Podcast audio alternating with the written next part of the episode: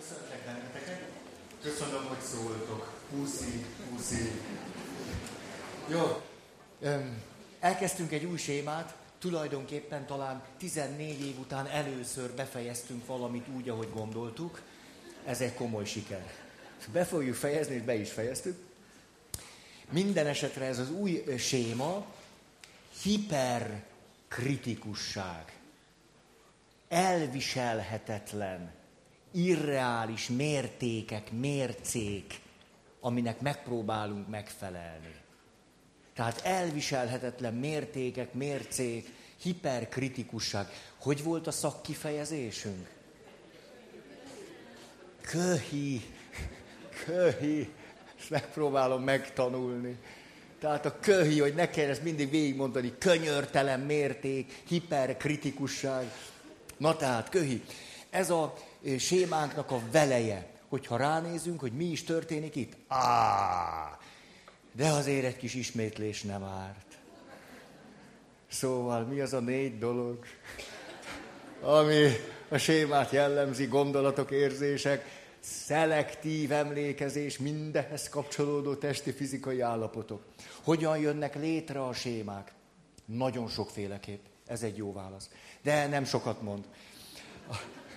Mi arról a 18 sémáról beszélünk, amelyek gyerekkorban jönnek létre. Ráadásul pozitív sémák is létrejönnek gyerekkorban, de mi kizárólag valamiféle kínos élvezetből a negatív sémákkal foglalkozunk, és ebbe tapicskolunk, és tökönyezzük őket. Tehát gyerekkorban létrejövő negatív sémákról beszélünk, amit ez a négy jellemez. Hogyan alakulnak ki gyerekkorban a negatív sémák?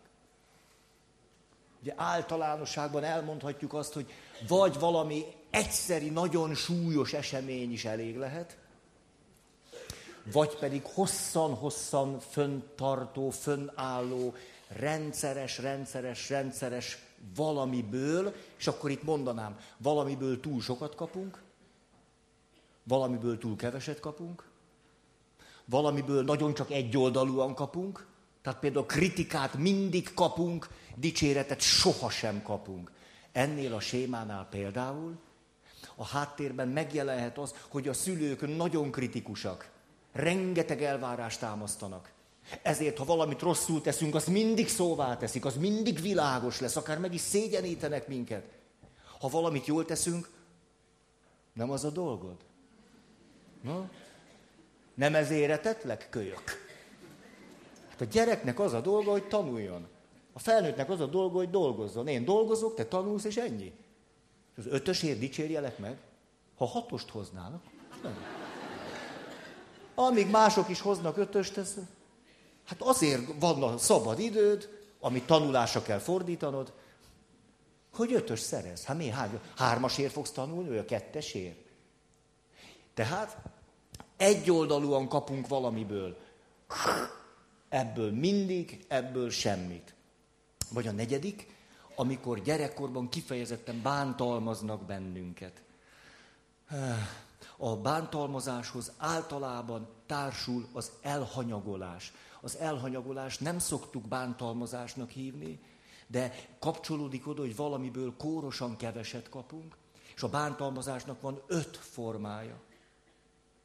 Fizikai, szexuális, verbális, gazdasági, gazdasági anyagi, és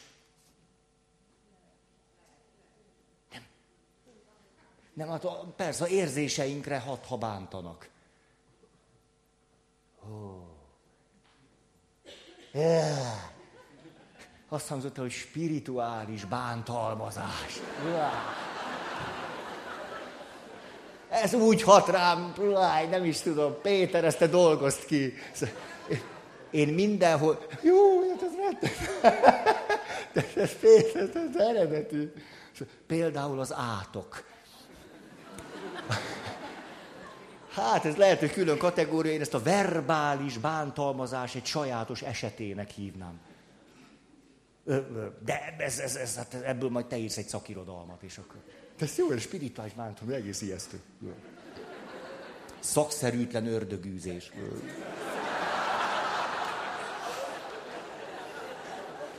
Ma már érdemes volt eljönnöm. De tényleg, ó, most, jaj, jaj, jaj. Jó, na. Ne, ne, na. Azért álltam meg, mert, mert nem csak azért, mert ezt mondjuk nyolcszor elmondtam már, hanem, hanem, hanem, hanem, hanem, hát ha, ha valamit tőletek akarok megkapni, akkor ezt. Nem, nem az elhanyagolás, az a tapasztalat, hogy az elhanyagolás általában együtt jár a, a bántalmazás form, össz, szinte összes formájával. Régen úgy beszéltek, hogy elhanyagolás és bántalmazás, vagy bántalmazás, főleg, hogy vagy, de tehát ahol fizikai bántalmazás van, ott majdnem mindig van elhanyagolás is. Ahol mindig üvöltözünk, bántalmazunk, szidalmazzuk a másikat, az általában elhanyagolással együtt is van. Szóval ezért az elhanyagolás majdnem mindig párosul a bántalmazáshoz. Ettől ugye még fájdalmasabb.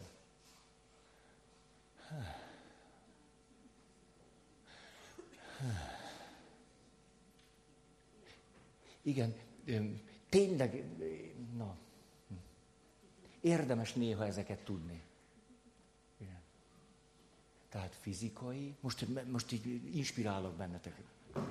Fizikai, verbális, szexuális, gazdasági, anyagi.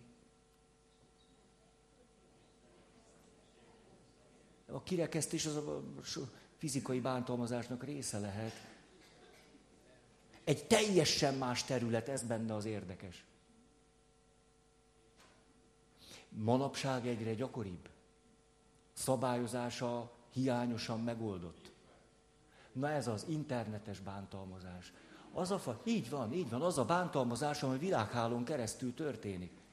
Hát nem egy, nem kettő, nem tíz, nem akárhány esetet hoztunk mi is föl arról, hogy valakiről elkezdenek kritikus dolgokat írni, és öngyilkos lesz. Tulajdonképpen egészséges, normális emberek. A, a igenis, ez kapcsolódik a kirekesztettség élményéhez kétségkívül. Igen, a virtuális, vagy igen, én inkább így mondom, az internetes, a világhálón történő bántalmazás, ez egy külön kategóriája lett a bántalmazásnak. És egyáltalán nem elhanyagolható következményekkel jár. Mert a, a, a kirekesztésnek, a megbélyegzésnek, a megszégyenítésnek olyan terét, lehetőségét adja, ami nagyon súlyosan érinthet bárkit. Hát ez egy külön fajtája már a bántalmazásnak, ez az ötödik. Ha örülök, hogy erről beszélünk. Oké? Okay? De hát nem ez a témánk. Hát ez azt hiszem csak az én élvezetem miatt volt, én él, örüljek neki, hogy erről beszél.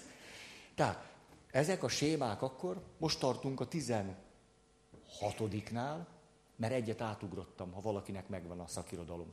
Na, untam már. Tehát akkor könyörtelen, mérték, mércék, hiperkritikusság. Mi a lényege? Szemben az elvárásnak való megfelelés belső világától, amiben tulajdonképpen az elvárás kívülről jön, és én egy külső elvárásnak akarok megfelelni, azért, mert azt gondolom, ha annak megfelelek, majd akkor valami jó történhet velem, és muszáj ennek a külső elvárásnak megfelelni, de ha az csökken, vagy nem lenne, akkor én könnyebben lennék.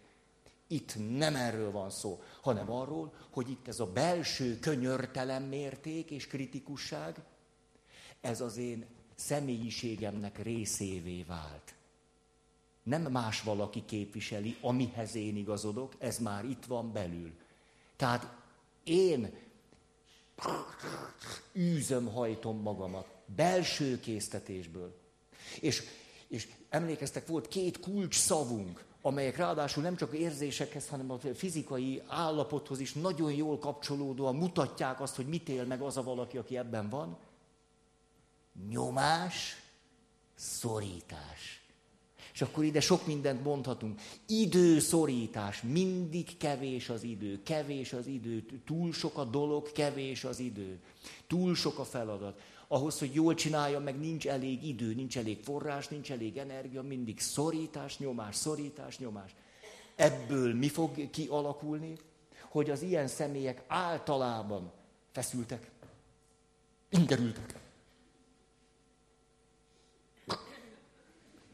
idegesek, a kritikusság miatt jellemezheti őket, egy pillanat alatt elvesztik az érzelmi kontrollt, robbanékonyság, agresszióra hajlás, és ha ez tovább megy, akkor mindez áthajlik a kevésbé energetizált változatba. Tehát lehangoltság, fásultság, kimerültség. Öh. Tulajdonképpen szeretnék majd a kiégésről is beszélni. Ugyanis akik ezzel a sémával élnek, fokozottan fenyegetettek a kiégésben, és tulajdonképpen amiket elmondunk róluk, szinte egy az egyben megfeleltethetőek a kiégés valamelyik állomásának. Tehát olyan, mintha őket így eleve betennénk a kiégés folyamatába, és már valahol mindig ott lennének. Ezért, ha ez egy folyamattá áll bennük össze, akkor... Tehát szorítás, nyomás, szorítás, nyomás.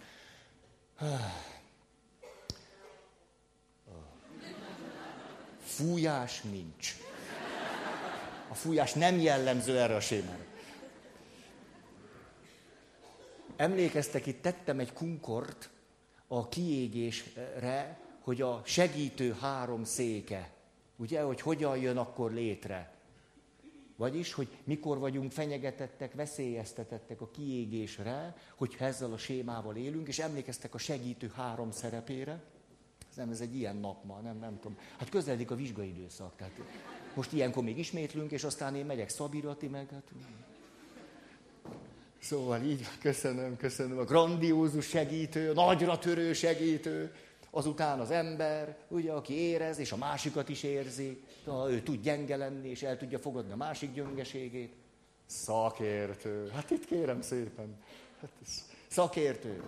És amikor valaki fenyegetett a kiégésben, akár ezzel a sémával összefüggésben, akár egyébként, akkor tulajdonképpen az történik például, hogy ez a grandiózus segítő ide pofátlankodik, nem törődik a másik kettővel, és azt mondja, ezt nekem meg kell oldani, ezt nekem meg kell csinálni, de meg is tudom. Na, meg is tudom, bele döglök, megcsinálom. Egyszer egy pappal a következőt csináltuk.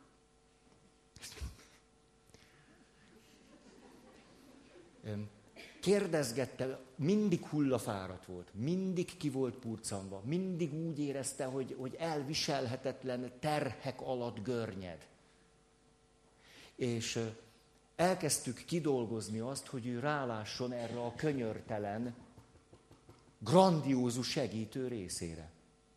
Egy grandiózus segítő bennünk az, az olyan monológot mond, hogy ez egész ijesztő.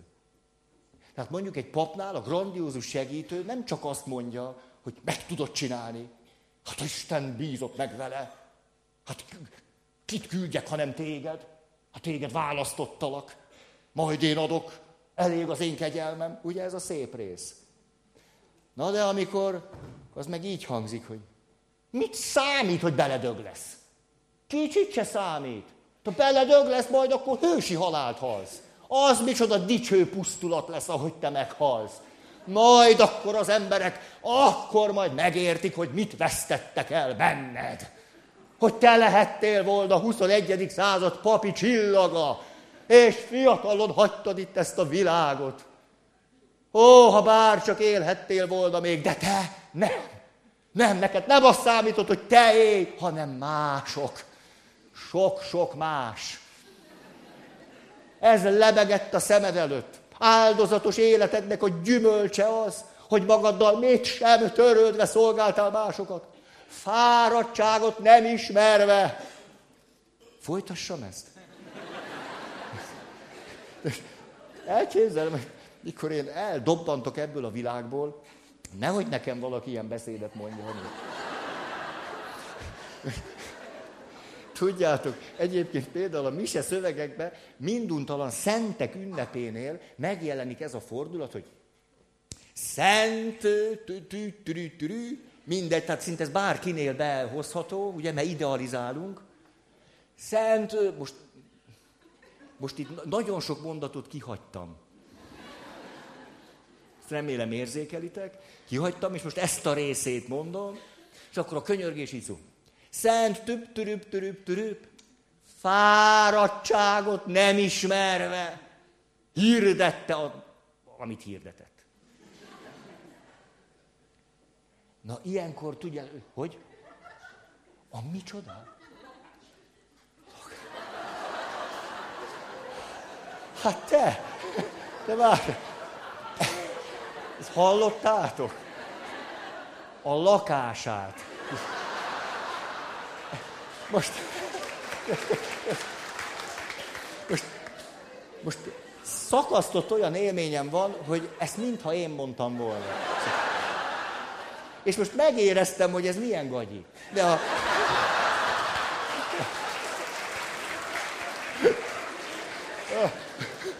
Jaj, jaj, na, na, de jó, jó, jó, szóval. Tehát mikor meghallom ezt a kifejezést, hogy valaki fáradhatatlanul csinálja a dolgát, de én szerintem rögtön a kiégés hatodik pontjára ugrok, mint egy ilyen társas játékban.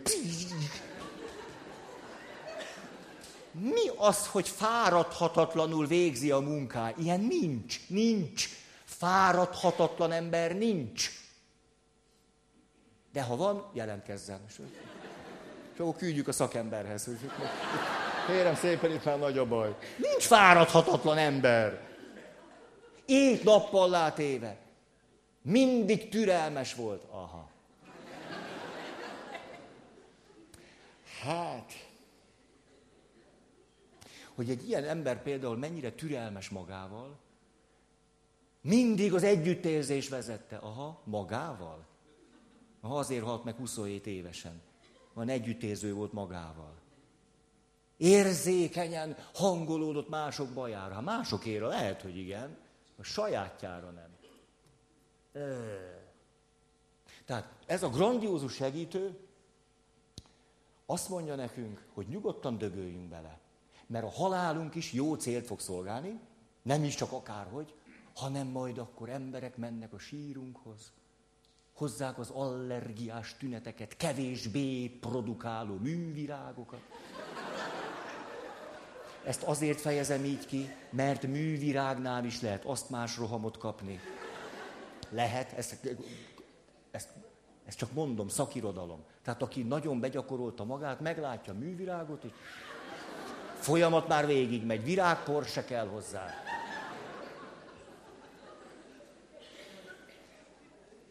Tehát a grandiózus segítő, ha eluralkodik, letarolja az embert, kus neked, a szakértő, nem érdekes, idejövök, és azt addig toljuk, amíg élünk. Dicső halál.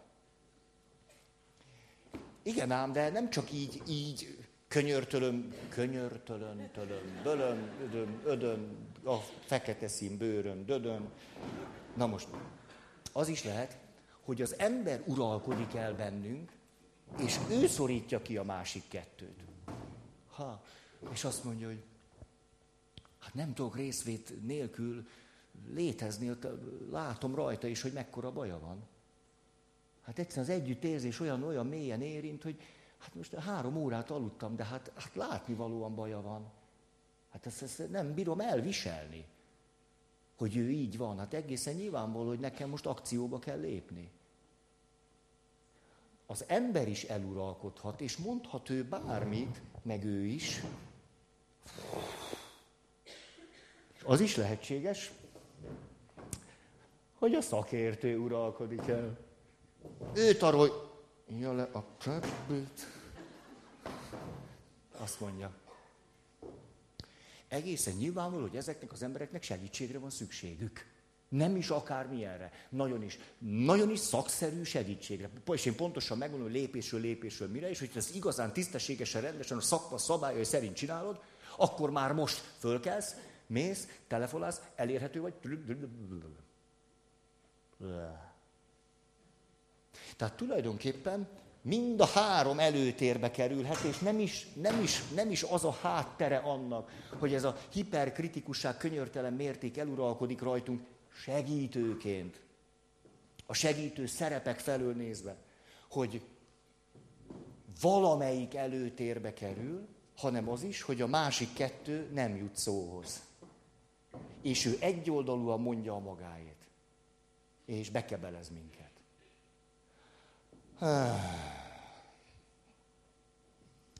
Hogyan alakul ki? Ehhez két szék is elég. Egyik. Ezt már emlegettem nektek az előbb, mikor ki, hogyan alakul ki gyerekkorban. Nagyon kritikus szülők. Folyamatosan magas, szinte elviselhetetlen, teljesíthetetlen elvárásokat támasztó szülők, akiknek a szava belsővé válik idővel. Így aztán ez már belül van, és nem kívül. Egy pont után nem nekik akarok megfelelni, mert már ez a könyörtelen mérték én bennem van. A második. Az is lehetséges, hogy tulajdonképpen, amit itt látunk, összefonódik az önbecsülés hiányával, a szégyenkezéssel, a negatív önértékeléssel, ez is egy sémánk, és tulajdonképpen ennek a túlkompenzálásáról van szó. Vagyis az a belső élményem, hogy értéktelen vagyok, nem számítok sokat, nem vagyok fontos, senki és semmi vagyok, rettegek, hogy ez kiderül, és ezért ezt túlkompenzálom. És ezért megpróbálok nagyon-nagyon-nagyon sokat teljesíteni, hogy bizonyítsam elsősorban magam előtt, hogy van jogom élni, hogy értékes vagyok, hogy számítok. Ah, egyik se könnyű. Az a nem túl jó hírem, hogy ez a séma nehezen, hát hogy is mondjam, nehezen fölülírható, lassú munkát igénylő folyamat. Jól be tud ízesülni nálunk. Mit látunk, hogyha most ezt leveszem? Önbecsülés hiánya, pozitív önértékelés hiánya, önmagunk reális tisztelete és megbecsülése nincsen. És akkor próbáljuk ezt a belső világot túl kompenzálni. Emlékeztek? Beszéltünk arról, hogy az önbecsülésnek van két forrása. Van a külső forrás és a belső forrás. Na, ezt most nem is kérdezem, hogy emlékszik-e valaki rá, mert ez volt négy éve, hogy hogyan hívja a szakirodalom azokat, akik számára tulajdonképpen időlegesen elérhető az önbecsülésnek a külső forrása, de a belső nem. Őket úgy nevezi a szakirodalom, hogy kényszer teljesítők. Kényszer teljesítő. Ez pontosan kifejezi azt, hogy miért, miért teljesít annyit. Nem azért, mert van benne egy igényesség, azért, mert szívesen csinál valamit jól, azért, mert megbízható, azért, mert egy jó szakember. Nincsen belső szabadság, és az önbecsülésnek nincsen belső forrása. Igen ám, de valami történik vele, amikor valamit jól csinál. Ha valamit jól csinál, és őt elkezdik megbecsülni, vagy értékelni, tisztelni, megdicsérni, elismerni, elfogadni, megjutalmazni, kiemelni, akkor egyszer csak valahogyan az önbecsülésének a világa elkezd fölelevenedni. Ilyenkor ő tulajdonképpen jól van. És az önbecsülésnek a kulcsa, emlékeztek, az önértékelés azt jelenti, hogy egy racionális reflexióm van saját magamra. És azt mondom, ez az előadás 72 százalékos a részletekről. Mert én azt, azt mondom.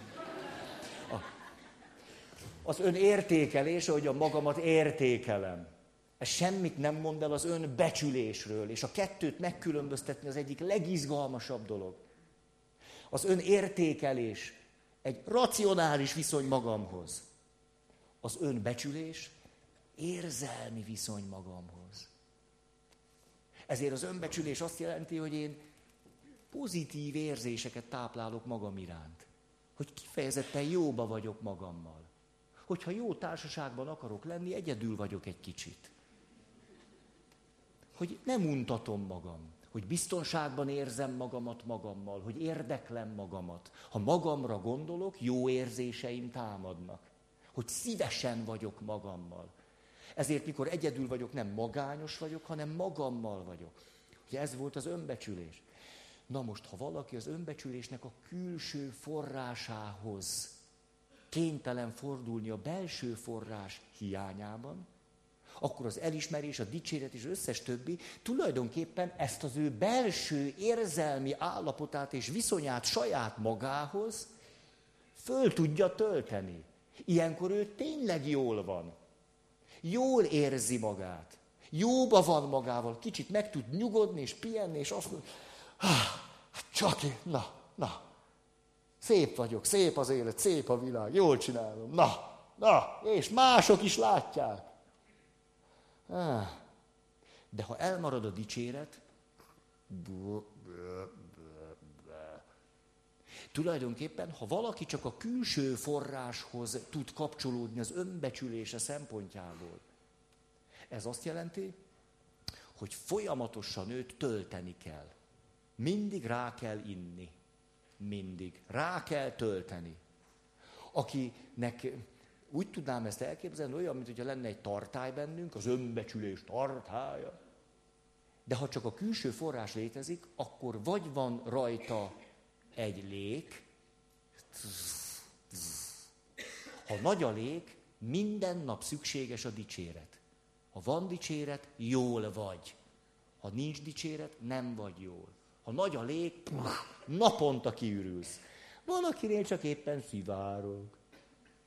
Még olyan is elképzelhető, hogy valakinél nincsen lég, akkor párolog.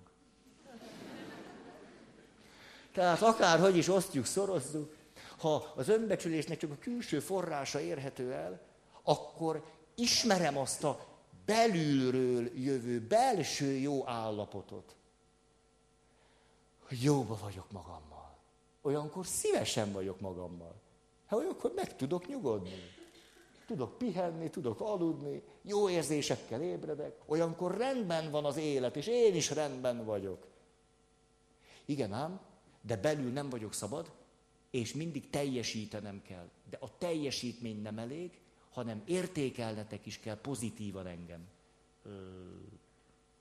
Ha ezt nem kapom meg, önmagában, hogy jól csináltam, nekem nem elég. Arra van szükségem, hogy ezt mondjátok. És ha nem mondjátok, nem vagyok jól.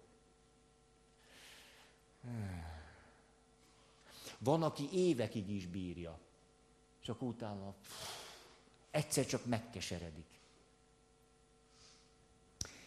Az önbecsülésnek ugye van belső forrása. Őket hogy hívjuk?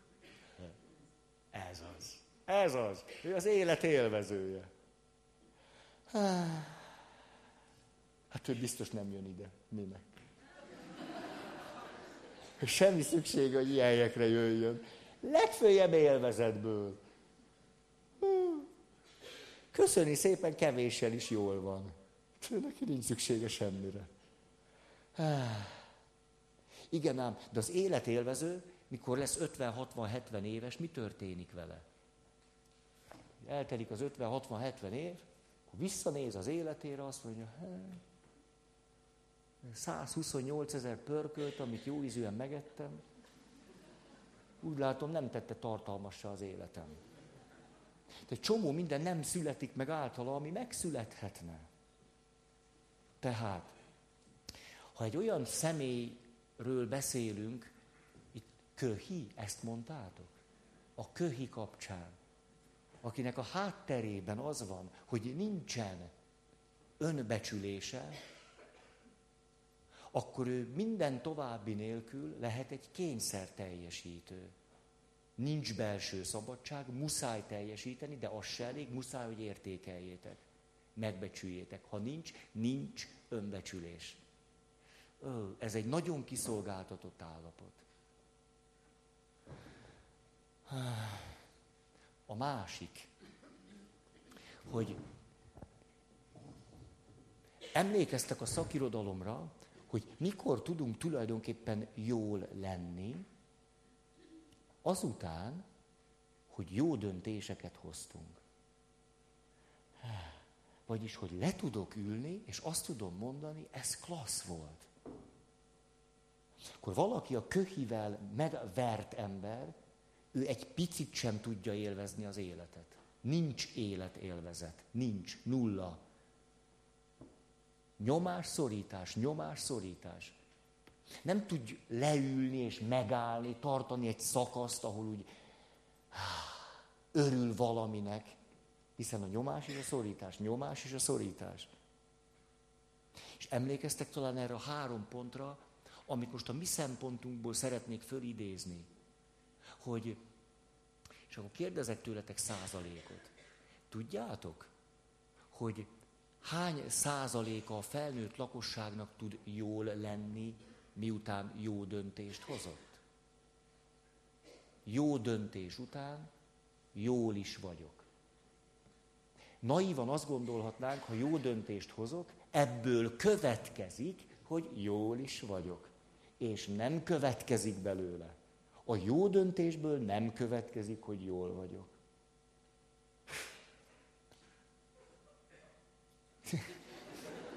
Ugye ez nagyon hasonlít ahhoz, most a nevetés elő csalt ez belőlem, mint hogy ha bűnt követek el, ebből önmagából nem következik a bűntudat. Miért következne? Az azon múlik, hogy ha én valamit nem teszek helyesen, mondjuk most van egy elfogadott világ, amiben valamire azt mondjuk, hogy helyes és helytelen, hát akkor fogok csak bűntudatot érezni, hogyha én ezzel belsőleg azonosultam. Én magam, ha úgy vélem, hogy nem tettem jót, vagy hogy ez nem illik össze az önmagamról alkotott képpel, akkor fogok bűntudatot érezni. Hát vannak olyanok, hogy hihetetlen, rettenetes embertelenségeket követnek el, és ez nem kíséri bűntudat. Hát ha az megfér az önmagáról alkotott képével, akkor hát egy torz lelkiismerettel minden további nélkül összeegyeztethető. Ó, tehát hogy a bűnből önmagából egyáltalán nem következik a bűntudat, másfelől valamit jól csinálok, ebből egyáltalán nem következik az, hogy én jól is vagyok. Nem következik. Mit gondoltok, hány százaléka a fel... Ezt már kérdeztem, csak most... Eddig a... Ah, ah, jó, jó, ti nagyon, nagyon. Múltkor mondtam. Kösz, ez nem esett jól, hogy... jó, tehát igen, körülbelül 30 százalék. 30-35. Ez azt jelenti, hogy kétharmadunk, hiába csinálunk valamit jól, nem vagyunk utána jól. Nem jó hír. És tudjátok, hogy mi a kulcsa annak? Ezt is elmondtam múltkor. Ezt csak említettem. Jaj, most megnyugodtam. Három dolog a mi szempontunkból nagyon érdekes, mert el akarnék így jutni valahova. Ez pedig az, mondom a három szempontot. Egy. Akkor tudunk jól lenni a jó döntésünk után, ha tudunk azzal elégedettek lenni.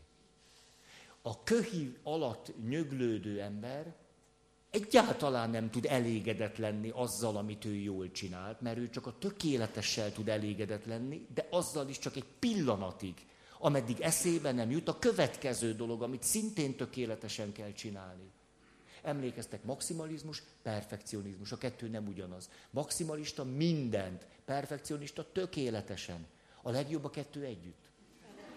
Ott teljes repertoárt megélhetünk. Tehát, aki a köhi alatt görnyed, nem tud elégedett lenni az életével. Hát hogy is lehetne az? Oh. Mi az elégedettség kulcsa?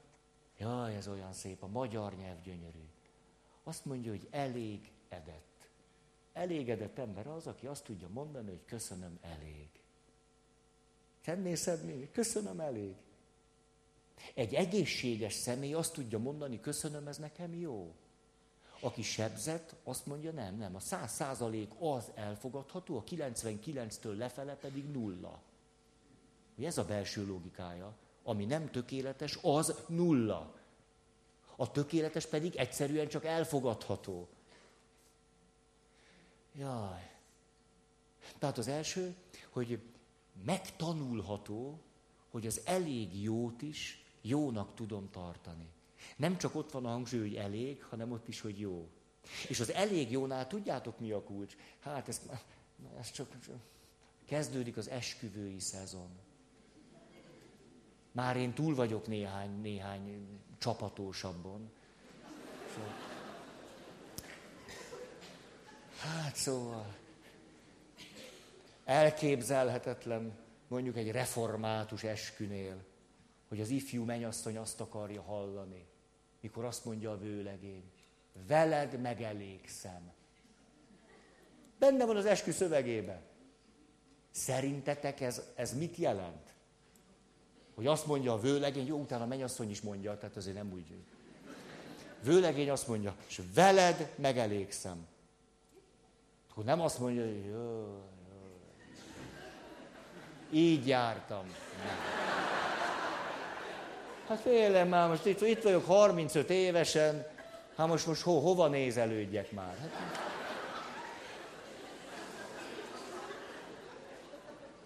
Hát, Egy előnye van, hogy elvett.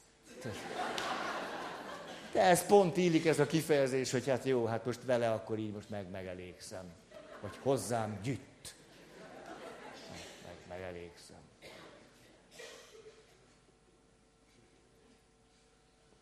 A megelégszem ugye azt jelenti, hogy látom az értékességedet, akkor is, ha tökéletlen vagy.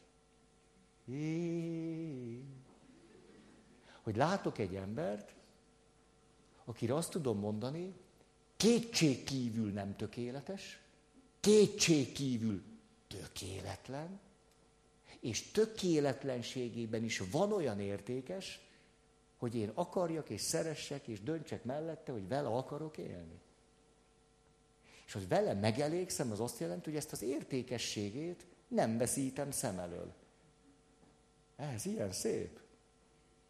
Aki a köhi alatt van, erre képtelen.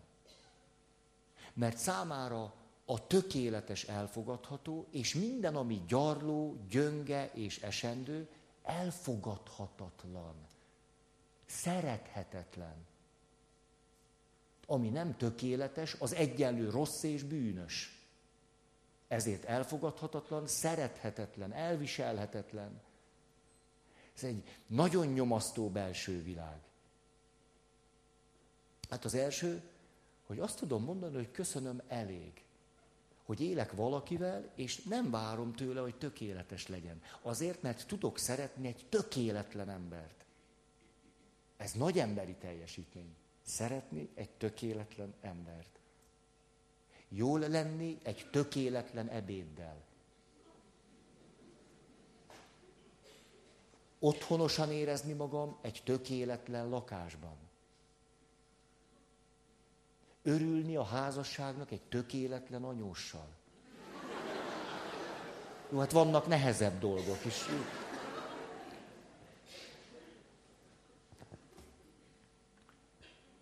Tehát az első gondolat így szól, és ez ennek a sémának az egyik kulcsa, hogy aki ezzel a sémával él, azt mondja, tökéletlenség, egyenlő, bűn és rossz, gyarlóság. De ez miért elviselhetetlen? Mert hogy tökéletlenek vagyunk. Tehát valami olyasmit várok el a másiktól és magamtól, ami eleve elviselhetetlen és irreális, hogy legyél tökéletes. Akkor vagy elfogadható. Tehát, hogy veled megelégszem, az nem azt jelenti, hogy akkor fogadlak el, a tökéletes vagy. Ez nem kis emberi teljesítmény.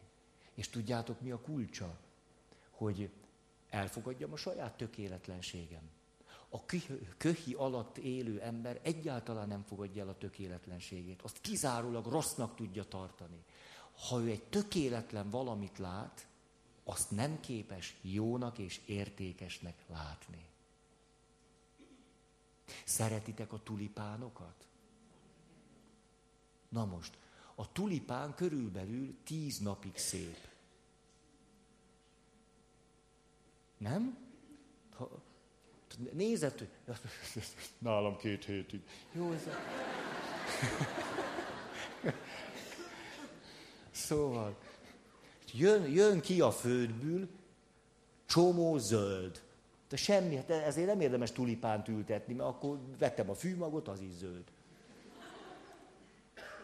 Akkor van egy bimbó, hát ez meg most itt mi? Most amikor kinyílik, na attól kezdve van kilenc napja. Tíz. Ilyen, ilyen hogy mondja, műtrágya vitézeknél két hét.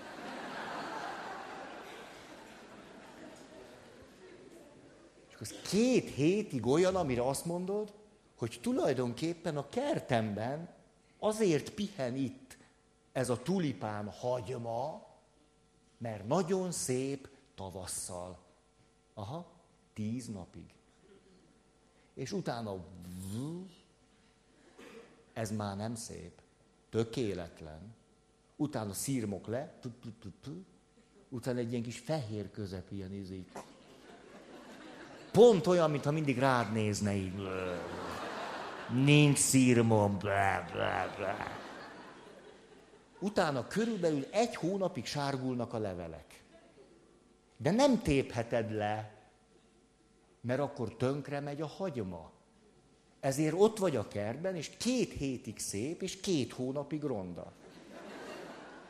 Ez a tulipán belső világa. És akkor ki kell várni, míg, míg, ez az, míg leszárad az az összes izé, és utána. És utána azt mondja, jó, hát most leszárad, most május vége van, hát addigra azért nem, majd június közepe felé, ugye? Addig az ott... És legközelebb március eleje. De még akkor nem szép, csak kezd. Tulajdonképpen aki a köhi alatt él, a tulipán számára egyszerűen egy irritáló állat. A puszta létével kikezdi az önbecsülésen.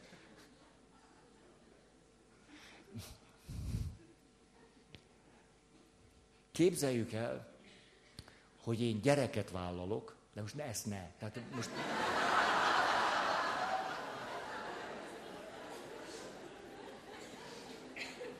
rosszul indítottam ezt a projektet. Képzeljétek el, hogy gyerekeket vállaltok.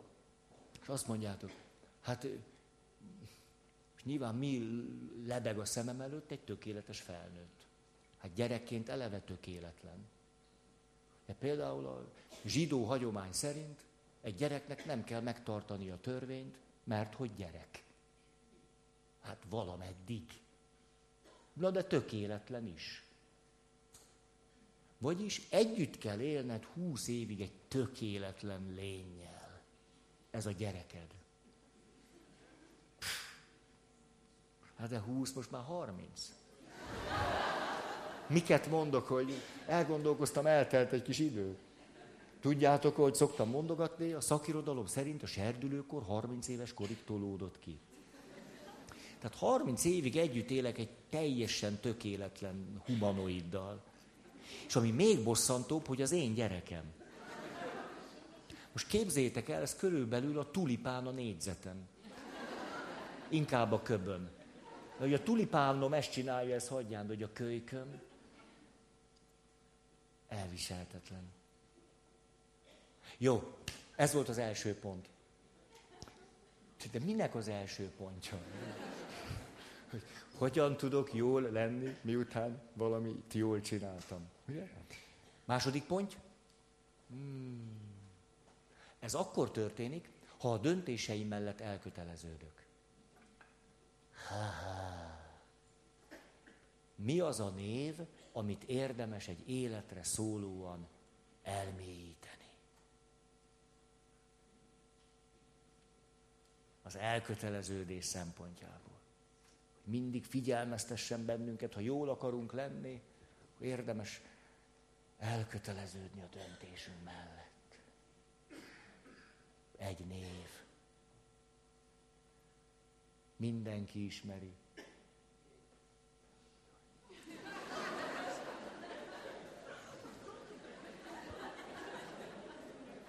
Tudnám, a reverendám hol van.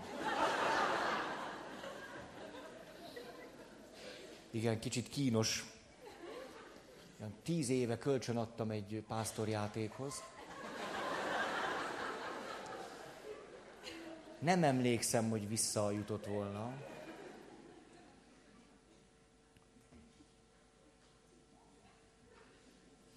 Mi ez a név? Segítek. Öm, barkóba? Néhány egyszerű kérdésre válaszolnék. Férfi, igen, tehát személy, személy, igen. De ez tényleg, kezdjük az alapoktól. Személy. Hát van személynév, személy. Férfi, mert azt is férfi. Tehát már most, most már tudjuk, hogy nem állat, nem növény. Ez jó, jó, élő-e? Nem.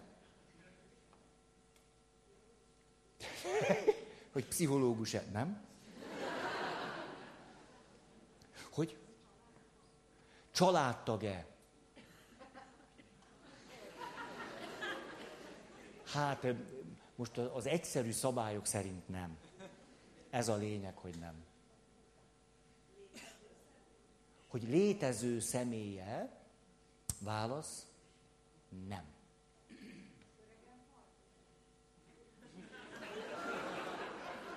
Öregen halt-e meg? Tudtommal nem halt meg.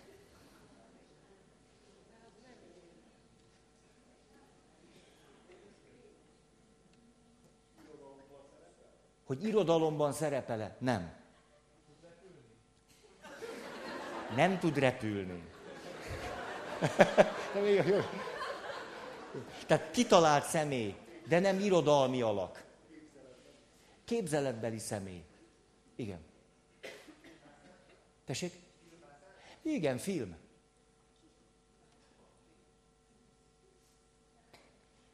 Felnőtt, igen. Pozitív személye. Igen. Hogy nőse? Na, na, ez jó, ez jó, jó ez, ez végre egy lényegi kérdés. Nem, nem nős, hős.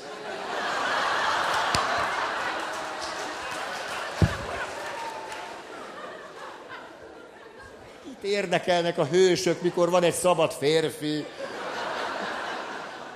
Az összes női érzékem megbizsergett ettől.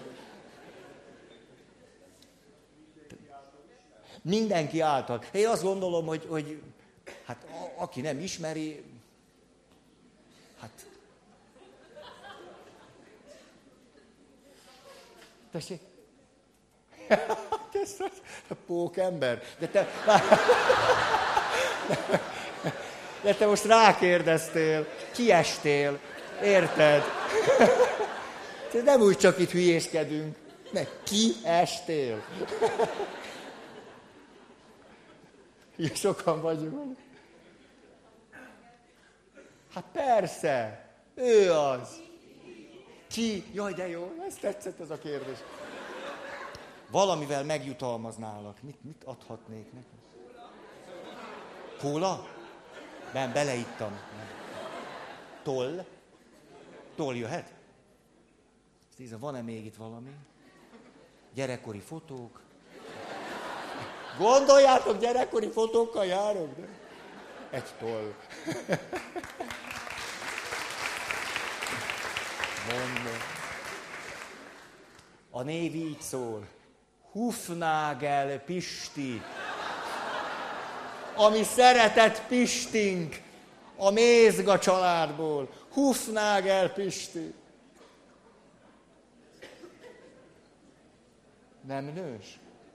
Hát nem nős, hát attól, attól egy potenciális valaki. Hát és ne, nem tudjuk, jó? És ott van Paula, este mosogat. Ah, ha én a Hufnagel Pistihez mentem volna feleség, minden más lenne. Így is van. Szóval az elköteleződés a döntésünk mellett. Elköteleződés. Hufnagel pistizéssel totál kicsináljuk magunkat. Tehát hazamegyek, ugye most ked van, tudomásom szerint. Hazamegyek, este mondjuk fél tizenegy, elmerengek, hogy ha én nem lettem volna pap. De más lenne az élet. Ö. És addig merengek, merengek, még így el nem alszom. Másnap ugyanez. Ö. Mi lett volna, nem lennék pap. Hmm. Tudjátok, ki nyerte a snooker világbajnokságot? Ahogy eljöttem, indulás előtt két perccel lökte be a meccs labdát. Érdekel ez valakit? Ennyire közönösek vagytok? Ez a kiégés egyik tünete. Már a külvilág nem érdekel titeket, csak... Hát ha nem, nem. Igen. Nektek elmondom az előadás után. Stuart Bingham. Élete első VB-jét nyerte. Fantasztikus. Majdnem 40 éves. Nem szoktak 40 évesen első VB-t nyerni. Tehát, ha hazamegyek, eszembe sincs azon gondolkozni, hogy mi lett volna, ha nem lennék pap, hanem visszajátszom a döntő frémet. Papként. Megnézem, hogyan nyeri meg a snooker VV-t 2015-ben Stuart, mindjárt. Ennél jobbat nem tudok elképzelni. Hozzátéve, hogy közben, közben,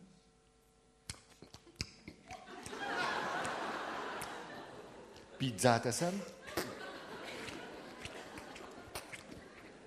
hozzá kólát iszok, lábamat fölrakom, és nézem, ahogy ti, hm, ti, hm, ti. Ez az, amit egyetlen feleség se értene meg.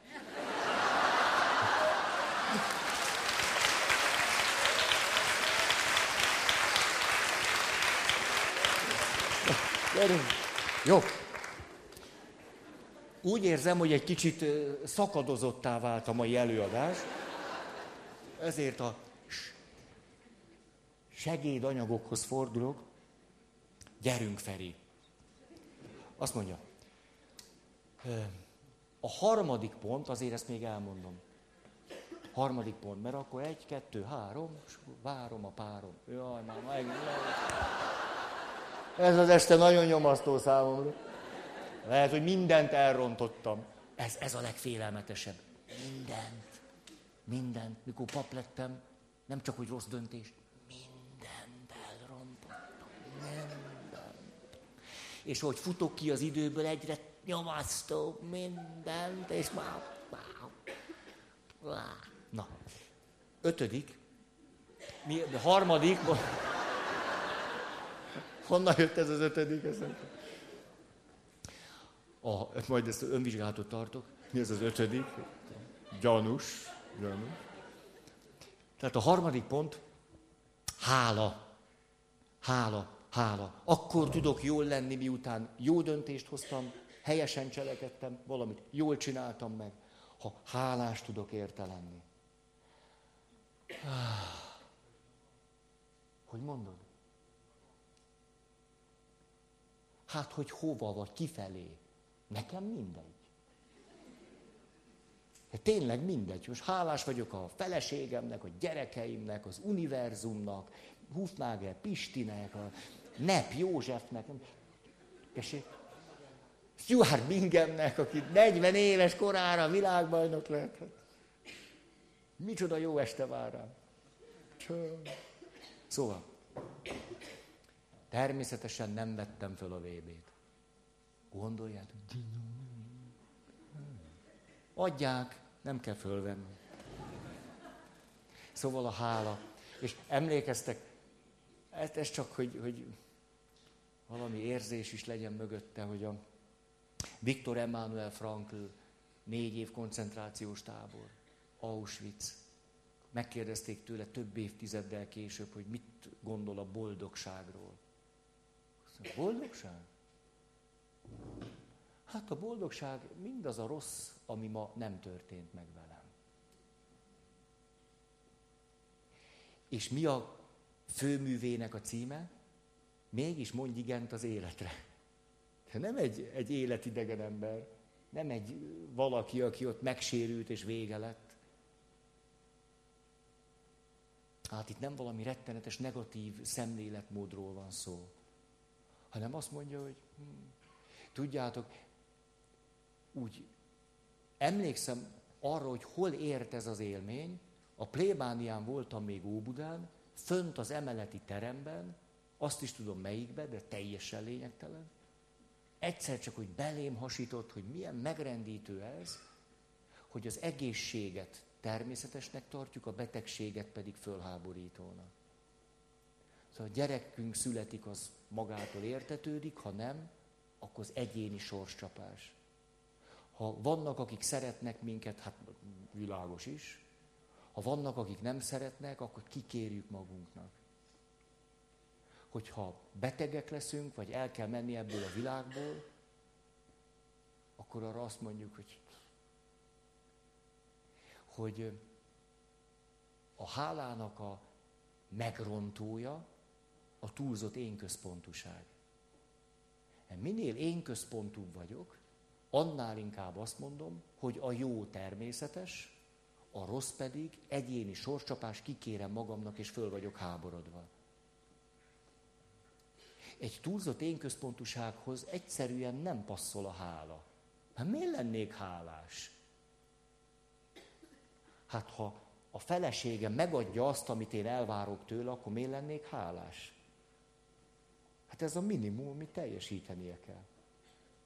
Jó lett a vacsora? Hát nem, legyen rossz, vagy mi? Rendben tartja a gyerekeket? Mi? Hogy, hogy tartsa őket? A, a hála kulcsa, hogy kigyógyulok az egyoldalú én központuságból. És azt mondom, hogy pfú, hát mennyi minden lehetne másképpen és egyáltalán nem rezignáltan, vagy lemondóan, vagy keserűen, azt mondom, hogy pff, mennyivel rosszabb is lehetne, és mennyivel nem az, hogy nem az. És már jól vagyok attól, hogy sok minden rossz nem történt meg velem, ma se. Ti. Na, ez a hála, hogy hogyan tudok jól lenni. Aki a köhi nyomása alatt él, vendégségbe sincs nála hála. Nyomás, szorítás, nyomás, szorítás. Elviselhetetlen elvárások. Na, á, nem egy jó. Ö. Jó. Á. Mm. Ö. Mm. Mm.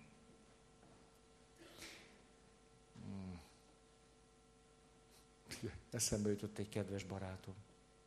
Ide van írva, hogy jusson eszembe a kedves barátom.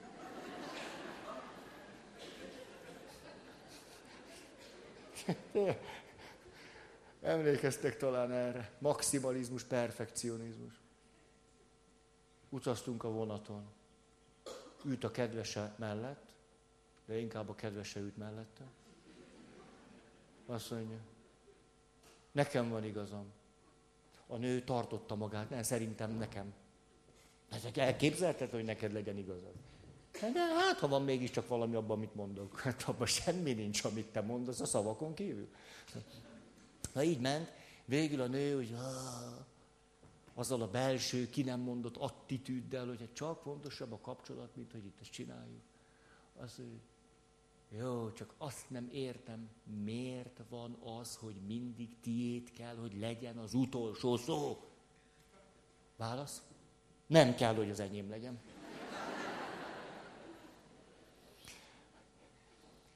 mindig enyém kell, hogy legyen az utolsó szó, különben nem vagyok jó.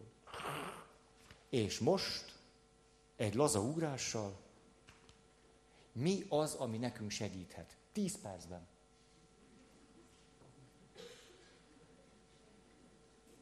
Ez jó, nem?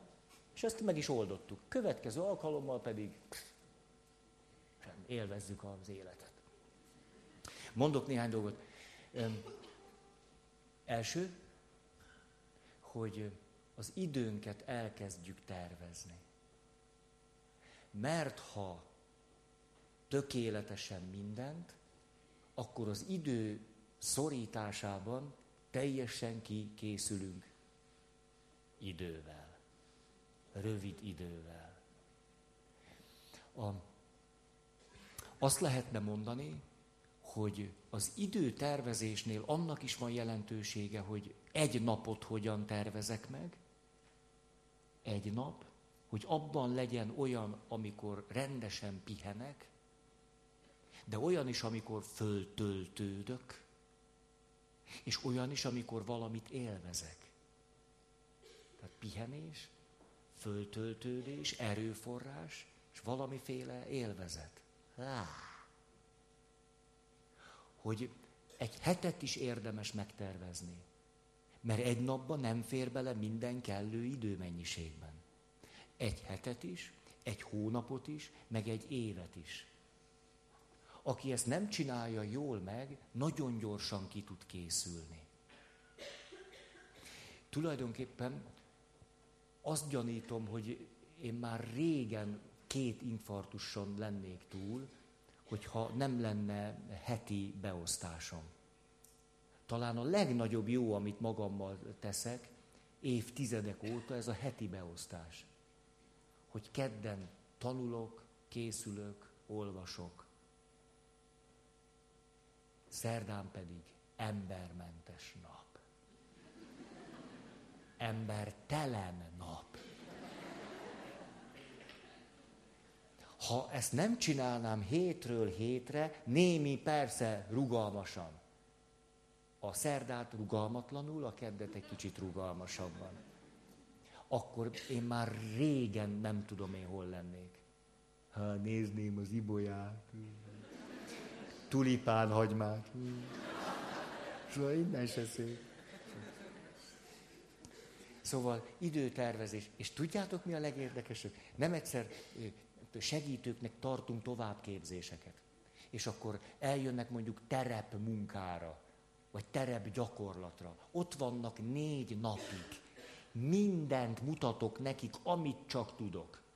Mutatni, mert ez már... Mindent. És utána négy nap eltelik, vagy egy hét, na mi az, ami számodra elvihető volt? Szóval az, hogy szerdán szabadnapot tartasz. Ezt nagyon jól mutatja azt, hogy hol van a gyönge pontunk. Az első háromban ez mindig benne szokott lenni. Tulajdonképpen a következő a tapasztalatom, hogy ami sokaknak, segítőknek segítség, az az, hogy egy szabad nap, mondjuk egy ilyen fajtának, mint én. A másik, amit már nem csinálnak, hogy egy tanulós nap, ahol én töltődök, nem pihenek, de erőforrások vannak, másokból gazdagodok, töltődök, merítek. Ah az jó. Tehát idő, beosztás. Enélkül pff, káosz. Következő. A személyek fontossága a teljesítménnyel szemben. Tulajdonképpen fölfedezni egymást, mint szemét. A teljesítmény mögött és túl. Erről sokat beszéltünk már. Fontosabb vagy, mint amit csinálsz, amit elérsz, amit produkálsz. Ezért nagyon érdemes volna kapcsolatot tartanotok legalább egy olyan személlyel, aki az életben nem tud teljesítményeket fölmutatni. Tényleg. Te, te hogy kire gondoltál. Én, én például olyan beteg emberrel, idős nagymamával, dédivel, valakivel, aki, aki egyszerűen az állapotából adódóan nem képes teljesítményre. vele való kapcsolatban le, le lehet lassulni. Szóval, na hát, na hát, na hát. Hát egy értékes valaki. Ez könnyebb, ha nem panaszkodik sokat.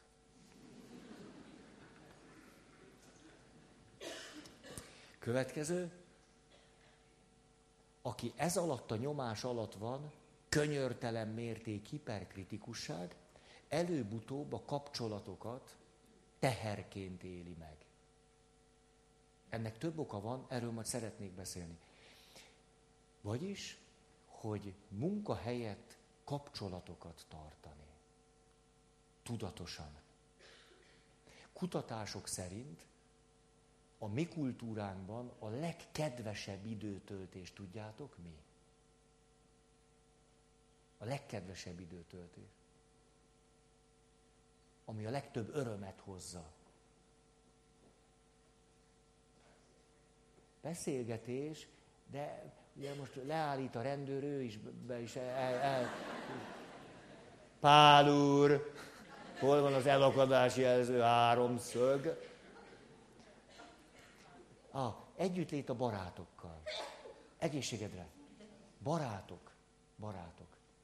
És amikor valaki visszanéz az életére, majdnem mindig megjelenik a következő gondolat, bár csak több időt töltöttem volna a barátaimmal.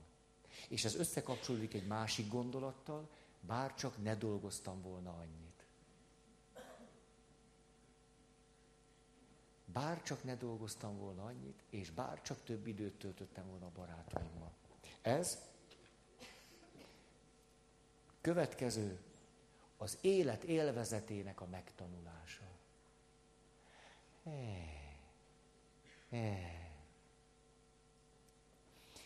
Ma képzeljétek el, megittam három deci narancslevet. Frissen facsart narancslevet. Azt nem tudom hol, de hát valami bolt volt, és és ittam. És ti hogy iszátok a frissen vacsart narancslevet? Így. És akkor, akkor hogy jön utána az élvezet? Az nem, nem fontos. Agyilag jön. Ez jó.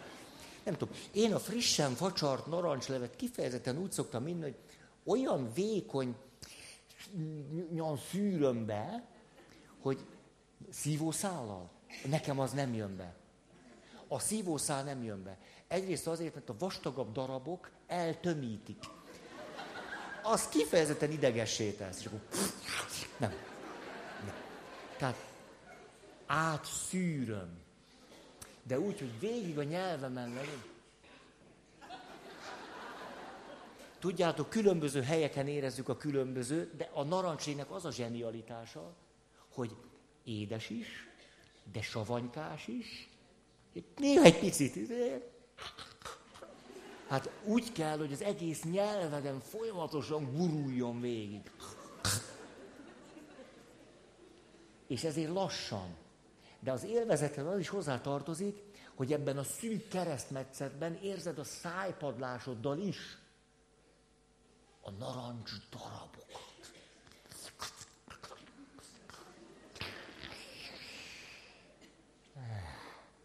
És utána nem, nem rögtön a következő kortyot. Utána nyelek. Hmm.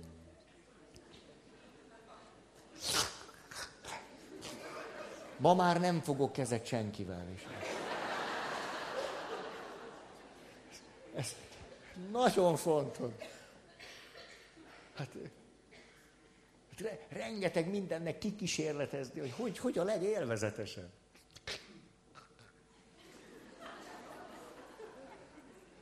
A végét már kisebb kortyokban iszom, mert ott már érzem, hogy fogy.